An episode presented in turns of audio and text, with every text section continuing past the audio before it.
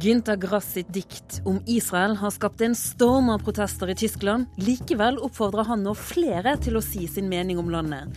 Kåringer av hvem som er rikest i Norge kan nå være en saga blått. En fersk dom sier at det er ulovlig å offentliggjøre skattelistene. Og den forrige moteskaperen ble dømt for jødehets og mistet jobben.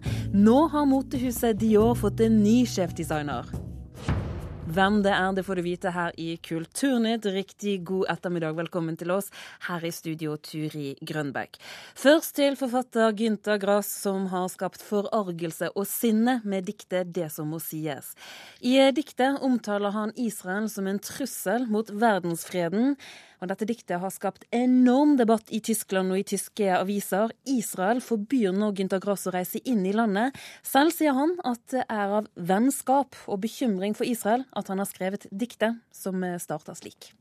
Hvorfor tier jeg, har fortiet for lenge, det som er åpenlyst og som har blitt øvd i krigsspillene, og der vi som overlevende uansett står igjen, som fotnoter ved spillets slutt. Slik starter Gynter Grass politiske dikt 'Det som må sies'. I diktet retter han kritikk mot Israels atomprogram og kaller det en fare for verdensfreden. Diktet, som sto på trykk 4.4 i Süddeutsche Zeitung, har vært gjenstand for massiv debatt i tyske medier. Selv kaller han diktet et opprop, og ønsker at flere stemmer skal kritisere Israel. Jeg bekymrer meg for Israel, sier Günther Grass i et intervju med italienske Rai. Bosettingspolitikken på Vestbredden er ulovlig. Mitt dikt bygger opp under dette, og slik er mitt dikt et opprop fordi jeg trenger støtte. Jeg ønsker at mange av vennskap og bekymring for Israel skal bryte denne tabuen, denne stillheten, og uttrykke rettmessig kritikk mot Israel, noe det finnes anledning for an Israel äußern. Und dazu gibt es Anlass. Grass, som selv var SS-soldat under andre verdenskrig, skriver i diktet at han mener det er farlig å ikke utøve kritikk. Hvorfor sier jeg det først nå, eldet og med mitt siste blekk? Atommakten Israel setter den allerede så skjøre verdensfreden i fare. Til Rai sier han Altså, wenn in, in dieser Region ein Krieg ausgelöst wird,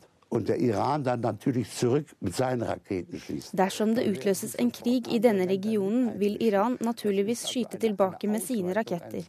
Da vil straks andre land blande seg inn, og vi får en utvidelse av konflikten i en allerede ustabil region. Det vil være livsfarlig. Og reporter her, det var Ina Charlotte Fjellhøy, og det har altså vært enorme reaksjoner i Tyskland etter at dette diktet sto på trykk. Ingrid Brekke, du er Aftenpostens Berlin-korrespondent. Hva er det i dette diktet som provoserer så voldsomt?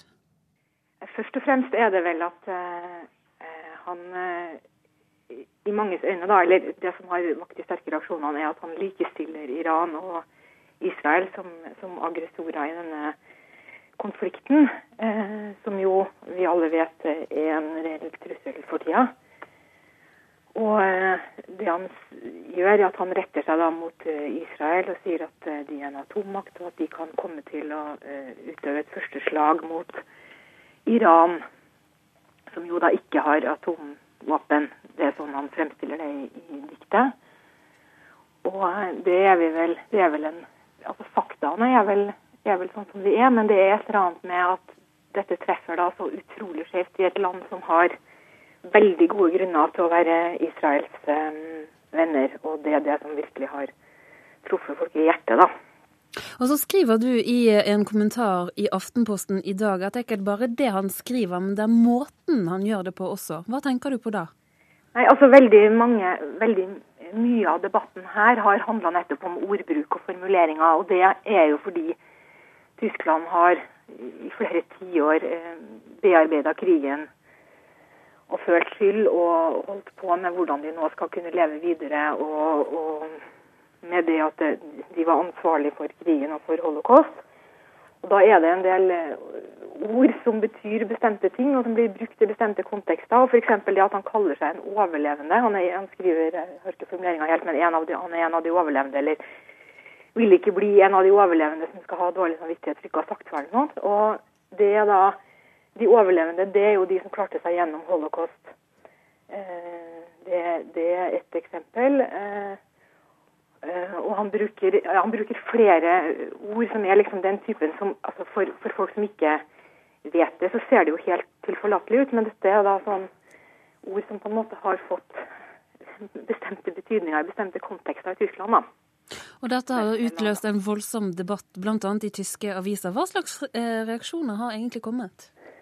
Nei, Det har kommet alt fra at han har blitt rett ut kalt uh, antisemitt, til at han overhodet ikke har greie på Midtøsten-politikk, til at han bare er ute etter å mele sin egen kake og profilere seg selv, eh, til at han kommer til å skape økt Israel-fiendtlighet i, i, Tyskland, og han fremmer antisemittisme. Altså Det er ikke grenser for hva, hva han nå har blitt eh, anklaga for etter dette. da.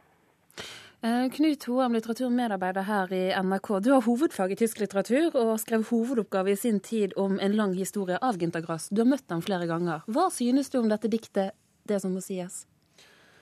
Nei, det er som Ingrid Bekke sier, eh, nok en eh, hva skal si, øvelse i pole polemisk kraft. Grass har en utrolig evne til å skape debatt når han kommer med sine ulike utspill. Um, det er noe med timingen her som ikke er helt uh, velvalgt, eh, syns jeg. Det er en situasjon der det nettopp har vært mordanslag på jøder i Frankrike. og vi ser en gryende antisemittisme flere steder.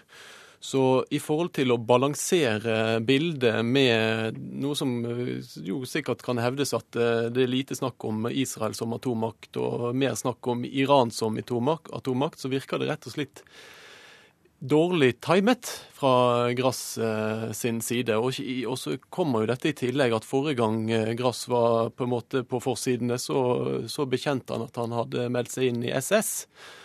Sånn at hans uh, troverdighet som, uh, som uh, en intellektuell som har vært opptatt i alle år av å skrive om nazistenes overgrep på jøder, er svekket.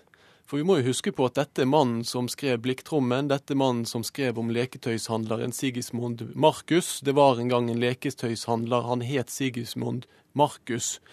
Og hans fortelling om hvordan han blir myrdet, er jo en av de sterkeste litterære skildringene av holocaust noensinne.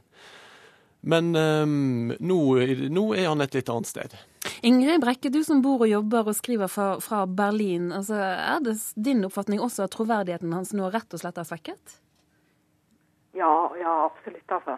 altså han, han, har jo Ja, sikkert siden den forrige, den forrige debatten, så, så, blir han jo ikke lenger omtalt på like sånn nesegruse måte som han har blitt i, i alle år. Og dette kan jo, kan jo bare gjøre det verre. altså det som har gått igjen også av litt mer sånn personlige ting, det er jo sånn at han er en gammel mann, og han har et eller annet behov. og, og eh, får oppmerksomhet og får et sånt siste. Og det sier han jo for så vidt selv, at nå bruker han sitt siste blekk på dette. Og det har jo også vært en del av den kritikken at hvis han føler at han har et siste blekk, og så er det liksom denne måten han vil Er dette som han vil bli stående igjen, eller er dette, skal dette være det aller viktigste for han? Det har jo også vært en del av eh, av kritikken. Og, og, um, en av uh, Tysklands aller mest anerkjente litteraturkjennere, Marcel Reich-Ranicki, han, han, gjorde et intervju med Frankfurter Allgemeine Sonntagszeitung hvor han sier at dette er en altså at, at Gunther Grass hele sitt liv har vært ridd av skyld, og dette er nå er han så gammel at dette er hans siste sånn,